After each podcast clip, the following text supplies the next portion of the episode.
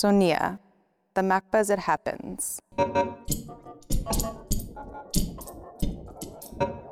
Nanna Thylstrup works on the politics of digitalization with a special focus on cultural memory, territory, and infrastructures, as well as human rights perspectives on information assemblages.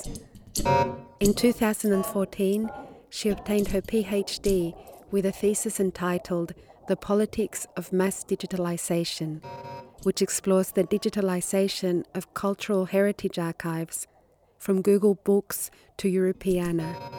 She is a researcher on the interdisciplinary project Uncertain Archives, which investigates notions of uncertainty and risk in big data environments and pays special attention to the themes of power, subjectivity, and knowledge. Sonia talks to Nanna Thylstrup about the digitalization of archives and its implications. She analyzes two of the consequences that emerge in the individual and collective spheres. Firstly, the data shadow that follows each user in big data contexts. And secondly, the politics behind mass digitalization processes. Through her work, she explores digital archives as a specific, non neutral way of ordering the world. The data shadow archives, and information.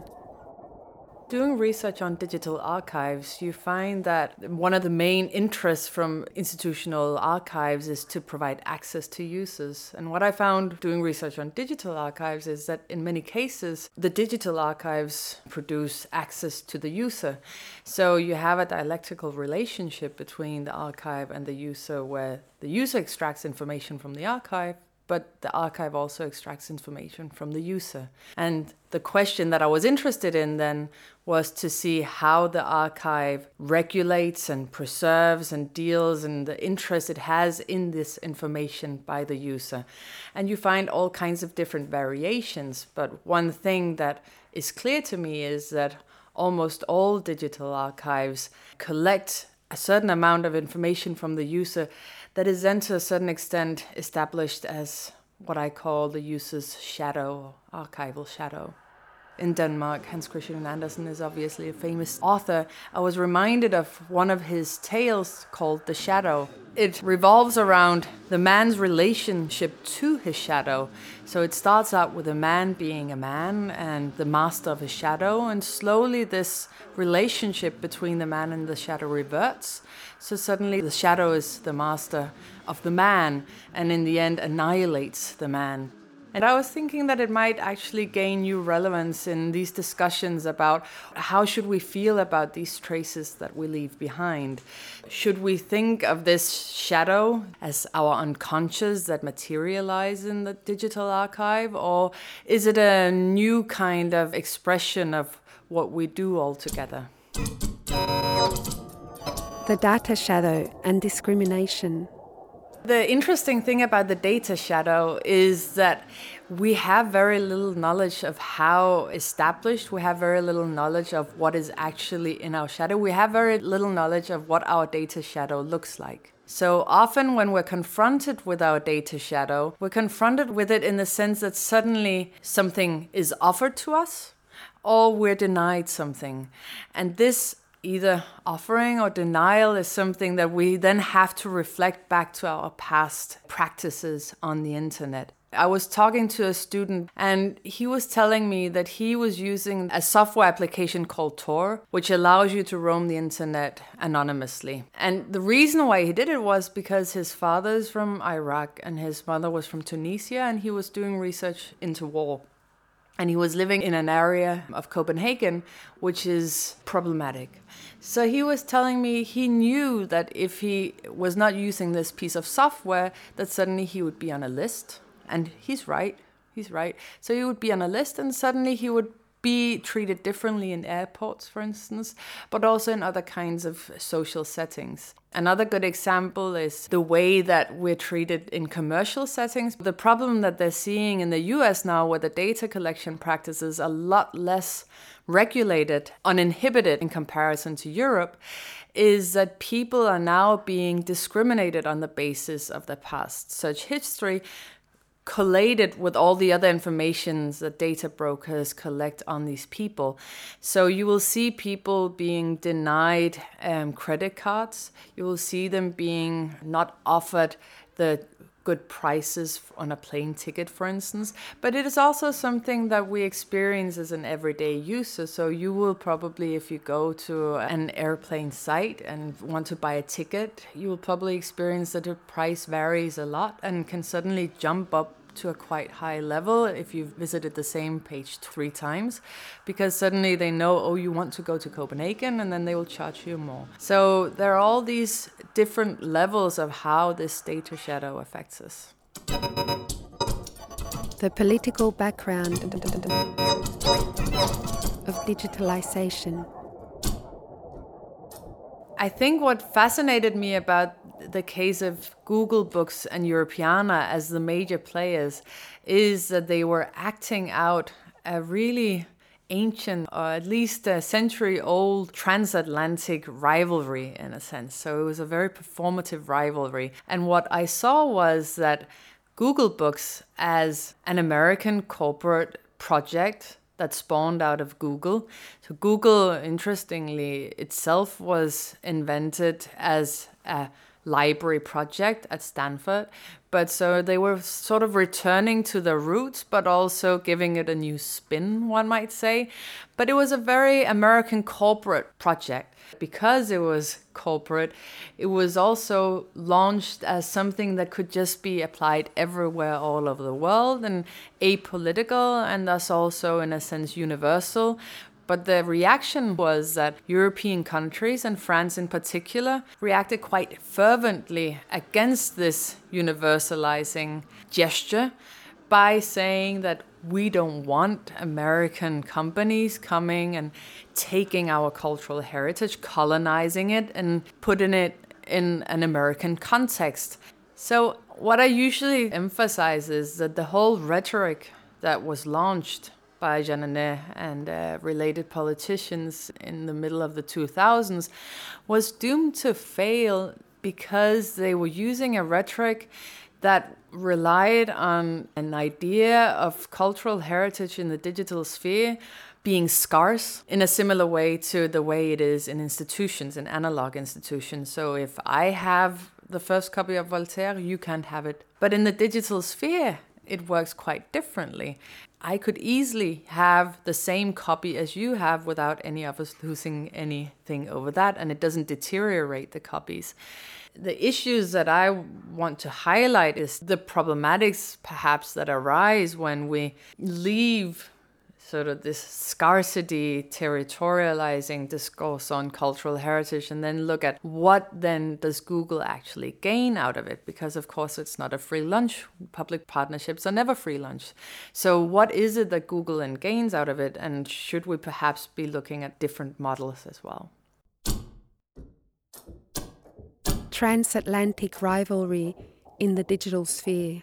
This discussion on digitization of cultural heritage was almost void of any other voices on how to do this. So, what you were seeing was basically Google being all over the world as far as they wanted to go, but they're looking into digitizing institutions all over the world.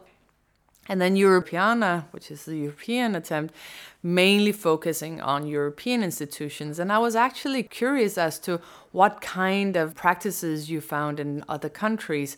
And you do see practices, for instance, in China, you have um, an example of digitization efforts there, also in Russia, but they're very much probably also because of the language barriers, so they're very much still contained within those spheres. Obviously, Google Books was hugely problematic and controversial because they were turning copyright legislation upside down. So, what they were doing was actually in the beginning an illegal practice. They were saying, We're digitizing now, and then you can tell us afterwards if you don't want it.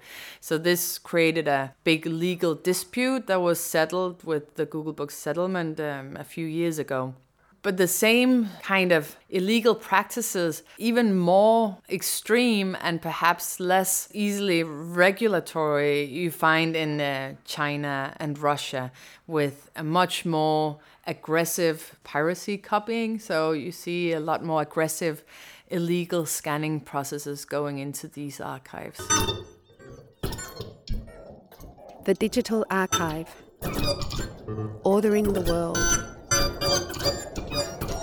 One of the most interesting thing I found working on digital archives and what I call mass digitization projects is the practice or the aspiration of Google Books not only as a human archive, but what I call a post human archive. And the reason why I call it this is that I found it during my research that one of the main reasons for creating the Google Books despite the claims on behalf of Sergey Brin and Larry Page to create a universal library for people to use, is also the aspiration of collecting more and more data to improve Google as artificial intelligence. So, this means that a lot of the books that are being scanned are not necessarily being scanned to be read by humans, but being scanned to be read by machines. So the UN library was scanned. The UN library has publications in 19 different languages. So these different exact translations improve a machine like a translation machine incredibly because suddenly you have a lot of text that you can put right into that feature. And this is the case with a lot of different uses of, and this is also the notion of big data, but this is the case with a lot of these digitization processes that they're really also designed to do all kinds of other machinic analyses apart from being read by humans. So one might say, and this is the discourse that you find there, is that cultural institutions are what they call data tombs that you can then go and extract information out of and put it in all different directions. And this has implications for the way that we understand what Google Books is doing, not only a anthropocentric project, but also really a project that's directed towards a totally different mode of reading and reasoning altogether. The relationship between humans and algorithms. The most productive way of thinking about these post human archives, to my mind, is that the human is still a huge part of the archival ecosystem. It's just relegated to a different position in the archive. So, this gives us information as to the reasons behind Google's books activities, for instance, but it doesn't necessarily take the human out of the equation. It just provides us with a different mode of engaging with the archive.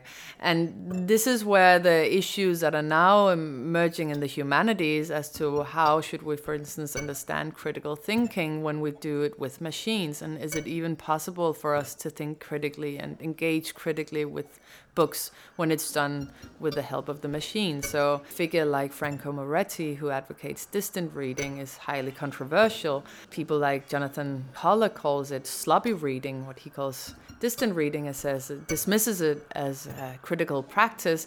Other figures, such as Katherine Hayles, would say that it's really a recursive relationship between humans and machines, and we have different capabilities and we can still have critical practices even if we have these very different modes of engagement. My current major question is and still the degree to which we need more information about how machines work and perhaps also just learning when they don't work, uh, the failures, looking just as much on the, the, incapabilities of machines. Because really, a lot of the time, you find that machines are, are, and that's what any engineer would say, that algorithms are dumb. So it's not necessarily that we have these uh, godlike machines that can give us the truth. So we have to be more curious about the different dynamics that go into machine reading. Another scenario that's a lot more sinister and horrible is the question of drone attacks. It's been terminated now, but the practice of signature strikes, where people were being targeted by drones, American drones, on the basis of algorithmic calculation. And so these algorithmic calculations were so determining abnormal behavior and, and all this. And on the basis of this, they would collate that this person is someone who should be taken out. And so these deadly algorithms basically are also very difficult for us to gain insight into and very difficult to contest. Digitalization and censorship. There was an interesting case when Europeana launched they were putting up a lot of images of books that had been digitized and it was a huge deal and they made a big publicity out of it. And suddenly not that many hours later europeana suddenly crashed. And what it said was that it was due to immense interest so the system failed because it couldn't deal with all this these requests I got curious as to what this actually meant because I found it difficult to believe that Europeana would be swamped by users. And I asked one of the people who were building Europeana, and he explained to me that the reason why it was crashed was because it was quickly known that a copy of Mein Kampf emerged. So it featured in this archive that was supposed to be a European archive. And and Mein Kampf is an interesting example because a lot of people think that Mein Kampf is forbidden. So but in reality it, it's not forbidden, but it's been under copyright until this year, 2015. Because when Hitler died in 45, all his belongings were transferred to the Bavarian Ministry of Justice, as far as I remember. So they have ownership over all his belongings, including the copyright to Mein Kampf. And so copyright runs for 70 years. So now it's just been released. But it hadn't been then. And so one of the controversies that arose with Mein Kampf featuring was that it was a publication and that that was not allowed because of uh, copyright issues. But what the Europeana worker explained to me was also that some countries reacted to Mein Kampf being in the archive because it was not a constructive relationship between countries and all this that Europe aspires to. And I found this quite interesting because you can easily find Mein Kampf in libraries all over the world. It's there, it's not forbidden, but it still had this immense symbolic value, so they actually had to shut it down. And also, one of the reasons why it shut down, and that perhaps also shows um, our relationship to the archive and how we're also determined by the processes in the archive, or not determined, but how we engage in an active relationship with it, is that people were, when Europeana launched, it was made so that when you made a search, it would also feature the three other most dominant searches. And two of these searches that would feature when you entered into the search category was um, fascism and pornography. And so these officials that were looking forward to launching this archive felt ambivalent about the fact that Europeans mostly search for fascism and pornography. And that's also one of the reasons why they crashed the archive and then they would reboot it with that option taken out and with Mein Kampf taken out. It's also a sign of Europeana still being a political archive, we might say. And that's why it's also interesting when you then look at Google Books. So, are Google Books doing the same things? Do they have the same interests in the material? And partly related to what we were discussing before about the post human archive, I see very little evidence of anything being censored in Google Books simply because they do bulk digitizations. They care very little about the content that's in, similar to the search engine. So, Google Book cares very little about the content of the books and therefore have no interest in censoring certain works. You could, however, say that the way that they do, the way that they choose these collections, for instance, the way that they choose institutions to cooperate with, is a way of world making where some voices and perspectives are being heard and others are not.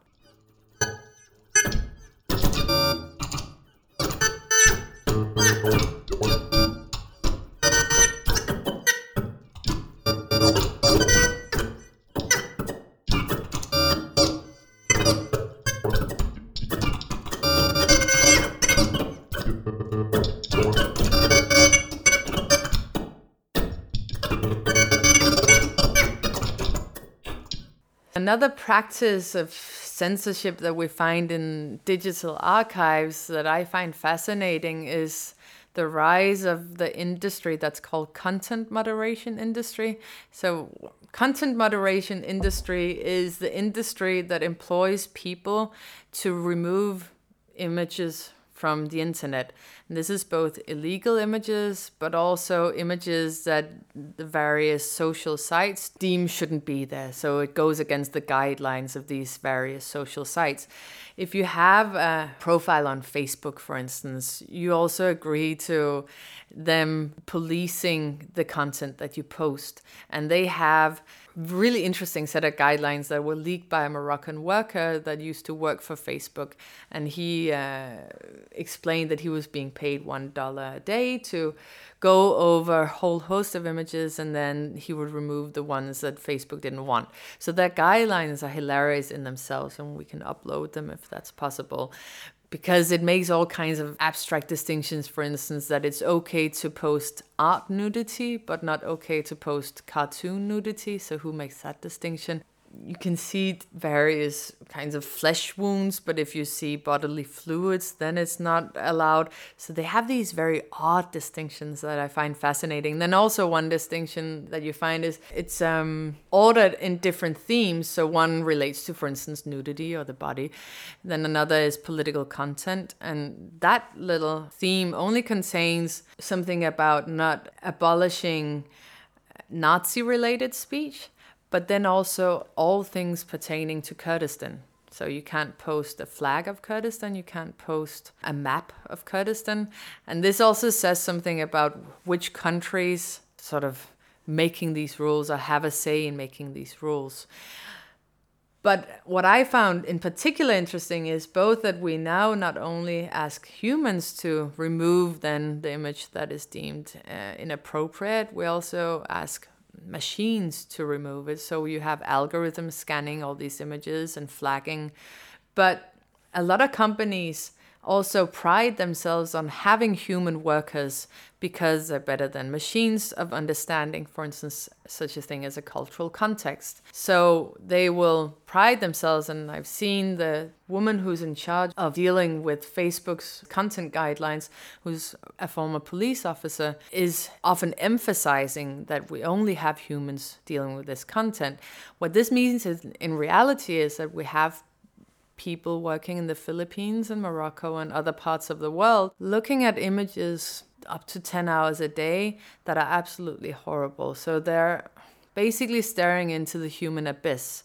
They're looking at child pornography, they're looking at child abuse, they're looking at rape, they're looking at beheadings, all these different horrible things that in effect and this is just only emerging now that in effect leave most of the workers with post-traumatic stress syndrome within a couple of months and i think that this human side that is so invisible in these digital archives but are so instrumental in devising public spheres for us that we can happily inhabit because they're pleasant um, is something that needs to be looked at more.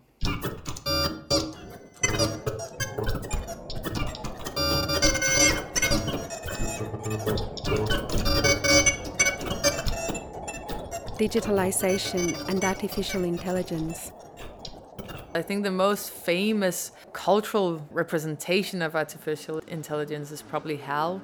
So, this omnipotent machine. But I think what we're seeing now is actually not these all knowing machines, but just that we have sort of smaller entities of intelligent design all over, so, so distributed in our public spheres that only that are perhaps quite dumb on their own, but when they're connected to other systems then they create an intelligent system. So I think that this is important to remember when we talk about our interaction with artificial intelligence, that very rarely are we, we faced with one omnipotent machine that will be able to sort of the old school vision of the robots or, or these almost bounded emanations of artificial intelligence. What we're seeing instead is probably more correctly termed artificial systems and how we navigate in these systems then is a very good question. And one strategy is Goodipal's notion of creating more unpredictability to be able to sort of create challenges to these machines. Another is, and this is, um, I don't know if it will work, but it's my own private practice, is just also simply subtracting and trying to constantly remind myself. And this is also inspired by a new media theorist called Wendy Chun, who does research on new media. Yeah. So just constantly keeping in mind the number of intelligent systems that you want around you. So I don't have an iPhone because I can ask people on the street if I get lost, and I don't necessarily need my temperature to regulate by a machine. I can do that by myself. So I'm trying, and this is not even, it wasn't really strategic at first, but I'm becoming increasingly aware of it being a manifestation as I see other people incorporating intelligent machines more and more. That for my own personal sanity, I have the need to know that I can still function on my own as an intelligent person. Addiction and new technologies. This question also links up to the question of distraction, for instance, and the question of focusing. That to my experience, I found that I couldn't really do the research that I was supposed to do if I was also linked up to all these different things that I would have to follow. So it made it very difficult for me to actually concentrate on what I was um, curious about. And the sense of information overload has always been there, so it's not a new thing. When the printing press was invented, this is one of my favorite machines. They also invented what was called a book wheel, where you could place 20 books on a huge wheel and then you could spin the wheel. So you would have, you would read 20 books at a time. So it's sort of a precursor to the search engine. But I think that the ways in which we engage with these various manifestations of the digital is often shaped by the way that a lot of these digital manifestations have an interest in keeping us in the loop or in their loop. So there's an interesting scholar called Natasha Dow who's located at Princeton, I think. And she did a wonderful book called Addiction by Design, where she does field work for 15 years in Las Vegas. I can't believe that she could. She challenges two claims. One is that addiction is something that emerges out of a flaw, one might say, or problem that one has. And the second interesting thing she brings to the fore is that most people who game in Las Vegas are not necessarily gaming to win, but they're gaming to stay in this machine zone, this is what they call it. So they're gaming to stay in a kind of a loop where this is a meditative practice that they can just keep on going doing without then having to relate to what's happening in the world. And what she's seeing is that it's a way for them to maintain some sense of certainty in a world that's very uncertain. In the end of her book, she expands this addictive practices to other sites as well. So Las Vegas is a very bounded site. But if you go into, and I saw this when I was living in the US, but increasingly so in Denmark as well, if you go into a train and you see people sitting with their iPhones, I think that it's really striking to see how they engage with this. And so, especially when they play the games, for instance, the Subway Surfer, I think it's called, and all these different small games. And what she shows is that people who are creating these games uh, creating shorter and shorter time intervals for people to actually even consider what they're doing. So this is part of the game's success is that they're preventing the human brain of even thinking. So it has to go really fast. So you know if you do the subway surfer it's so fast so you don't have any time to even consider what you're doing. And this is something that you could also relate to or i get the same sense of i remember sitting with facebook when i was still on facebook and just scrolling and going into this weird zone and suddenly two hours had passed and i wasn't really doing it to gain information or do anything. It was just sort of a meditative state that was devised for it to be a meditative state.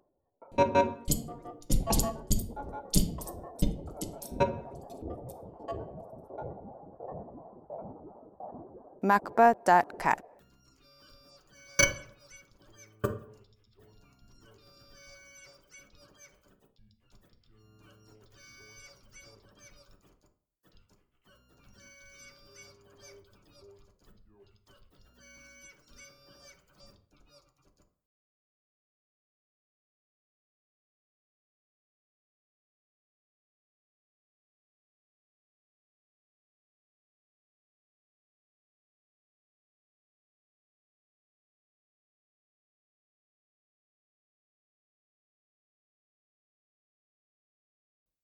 I will now read the search history of AOL user number 1576462.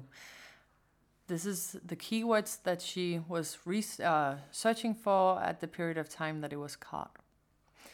Losing weight without dieting, losing weight without dieting and only taking a diet pill, Compass Learning Odyssey, Study Island, truck driving schools in Philadelphia, government grant programs in Philadelphia, how to get a government grant in Philadelphia, where to apply for a government grant in Philadelphia, grants for African American women in Philadelphia, grant to help low income families buy a house in Philadelphia, how to get a job with a prison record, car rental companies in Philadelphia, Water Revenue Bureau for Philadelphia, help with housing for parents with kids on disability in Philadelphia.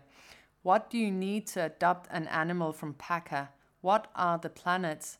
How to start potty training your 19 month old baby?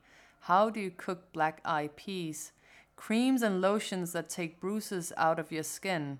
Rite Aid Pharmacy, Walgreens Pharmacy, Kmart, women clothing stores, art and craft stores in Philadelphia.